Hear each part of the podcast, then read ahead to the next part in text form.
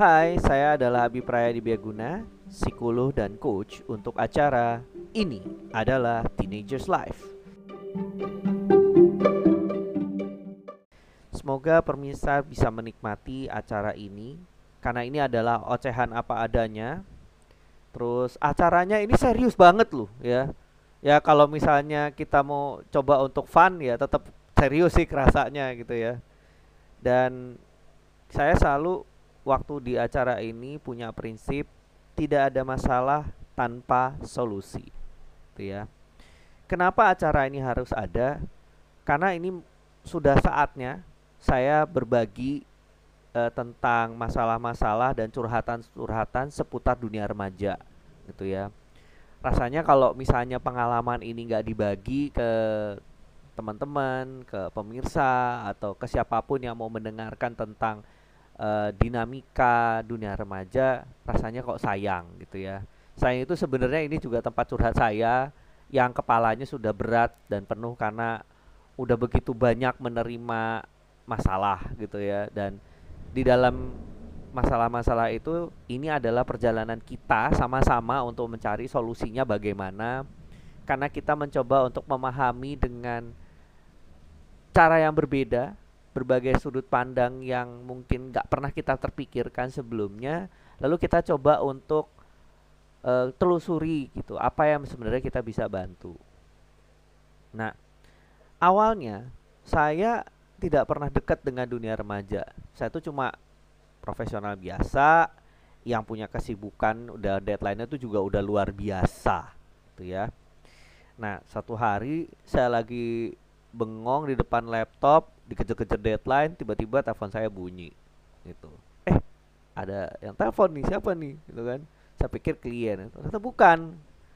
Ini ini teman saya ya. Kita satu SD, satu SMP, satu SMA gitu.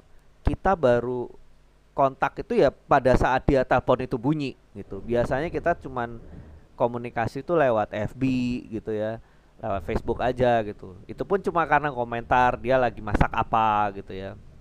Nah, kita e, kebersamaan selama 12 tahun itu udah berjalan karena memang kesibukan kita masing-masing. Dia masuk ke dunia perjepangan, saya pasti tetap di Indonesia gitu ya. Uh, tapi ya beda nasib beda gaji gitu. tapi dia masih ingat saya alhamdulillah gitu ya ya itulah gunanya persahabatan nah saya langsung tanya gitu kan di tengah penat-penatnya deadline gitu kan seneng ya di telepon sama kawan lama eh gimana kabarnya? gitu kan. Bi anakku dibully. Dia baru kena hajar sama seniornya pada saat dia kemarin masuk. Hah? Gimana ceritanya? Gitu. Akhirnya tukar tukar menikar cerita dan sebagainya dia cerita gitu ya. E, bahwa anaknya tuh kena bully termasuk dari salah satu 30 anak yang dihajar sama 40 orang senior. Di tahun pertama dia mau masuk. Nah acaranya itu cukup rapi perpeloncoannya pada saat itu. Jadi waktu dia mau ke tempat kejadiannya itu kan di rumah kosong. Di rumah kosong itu di set gimana caranya itu menjadi inisiasi anak-anak baru supaya bisa bisa masuk ke dalam kelompok elit di sekolah itulah gitu.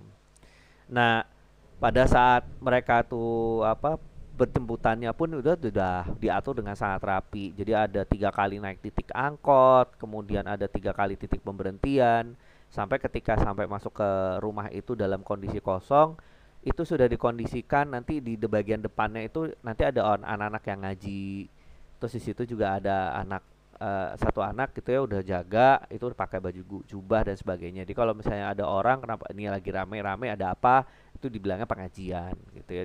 Padahal di situ lagi pada dihajarin nah kejadian ini ketahuan gara-garanya karena ada satu anak kabur. Ternyata anaknya ini anak kombes polisi. Ketak ya itu mah udah jelas ini ya bakal rame gitu. Nah itu saya bener rame gitu akhirnya saya dengan sejumlah alumni pada saat itu sampai hadir diundang oleh kepala sekolah untuk bisa mengatasi masalah itu. Saya ingat banget waktu itu masih ada Mas Rivalino Safar. Halo Mas Rino apa kabar? Mudah-mudahan bisa saling mendengarkan di podcastnya nih ya. Nah, Mas Rino ini adalah salah satu inspiratornya saya pada saat itu untuk membuat sebuah program yang memang akhirnya kita namakan itu kayak normalisasi kehidupan sekolah lah ya NKS gitu. Nah, jadi masalah-masalah yang terjadi pada saat itu ada masalah hukum ya kita coba untuk tangani karena ini memang udah telanjur masuk hukum gitu ya. Bukan karena memang anak kombes polisi karena memang sudah ada tindakan kriminal di dalamnya ada kekerasan dan sebagainya. Kemudian dari sisi pendidikan dan sosialnya kita juga coba untuk rangkul artinya memang ada sanksi-sanksi ada proses investigasi. Kalau misalnya anak yang bersalah ya memang harus diskorsing. Beberapa anak ya memang kalau misalnya memang harus dikeluarkan pada saat itu ya mau nggak mau harus dikeluarkan. Kemudian kondisi orang tua kita tenangkan uh, kita jaga forum silaturahminya terus dibuka kembali gitu ya. Sampai kemudian kita juga mengadakan uh, coaching dan juga training untuk pada saat itu.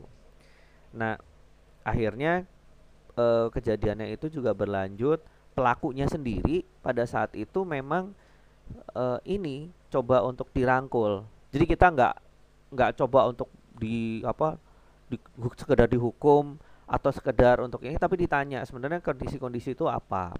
Nah, dibalik daripada itu ternyata ada juga titipan alumni yang melakukan kaderisasi dan sebagainya supaya apa kelompok perpeloncoan ini tetap ada gitu ya. Ternyata itu sampai ada urusan eksternal dan sebagainya dan itu cukup heboh akhirnya kita bersama dengan alumni kita juga jemput bola juga ke alumni-alumni yang uh, sudah membuat uh, kelompok-kelompok perpeloncoan ini kita coba untuk putus dan sebagainya. Nah dari situ berlanjut ada yang curhat lagi ke saya gitu mungkin gara-gara nggak tahu mungkin gara-gara kasus itu terus saya sebenarnya saya, saya juga nggak mempromosikan apa gitu ya tapi itu datang dengan sendirinya jadi sewaktu itu dicurhatin ada kasus sodomi di pesantren ketangkap basah, ada ada problem-problem nafsa ya, e, narkoba dan sebagainya itu jadi yang problem klasik yang kayaknya selalu ada. Ada anak kecanduan gadget sampai nggak mau makan gitu ya.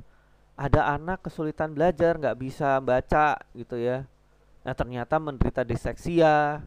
Terus ada anak yang lambat banget gerakannya ini anak kenapa gitu ya ternyata ada yang namanya mata males gitu ya atau disebut dengan amblyopia gitu nah sampai akhirnya sampai ke sini tuh akhirnya kok banyak ini curhatan-curhatannya yang sebenarnya kita bisa sharing dalam sebuah acara ini sebagai sebuah wadah untuk kita bisa bercerita, kita ngobrol, kita coba untuk sharing gitu ya.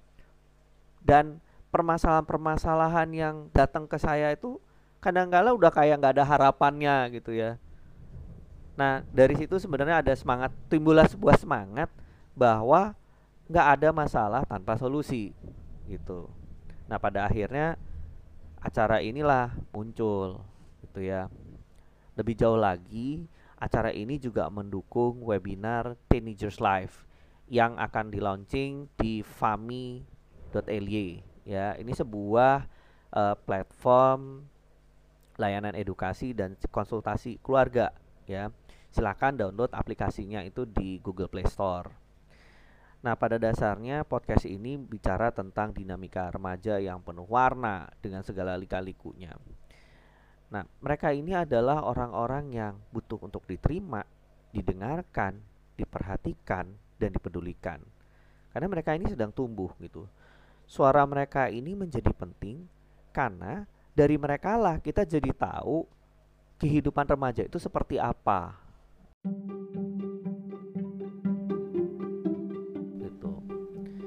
Nah, semoga pengantar ini bisa memberikan inspirasi bagi siapa pun untuk tumbuh dan mengembangkan diri.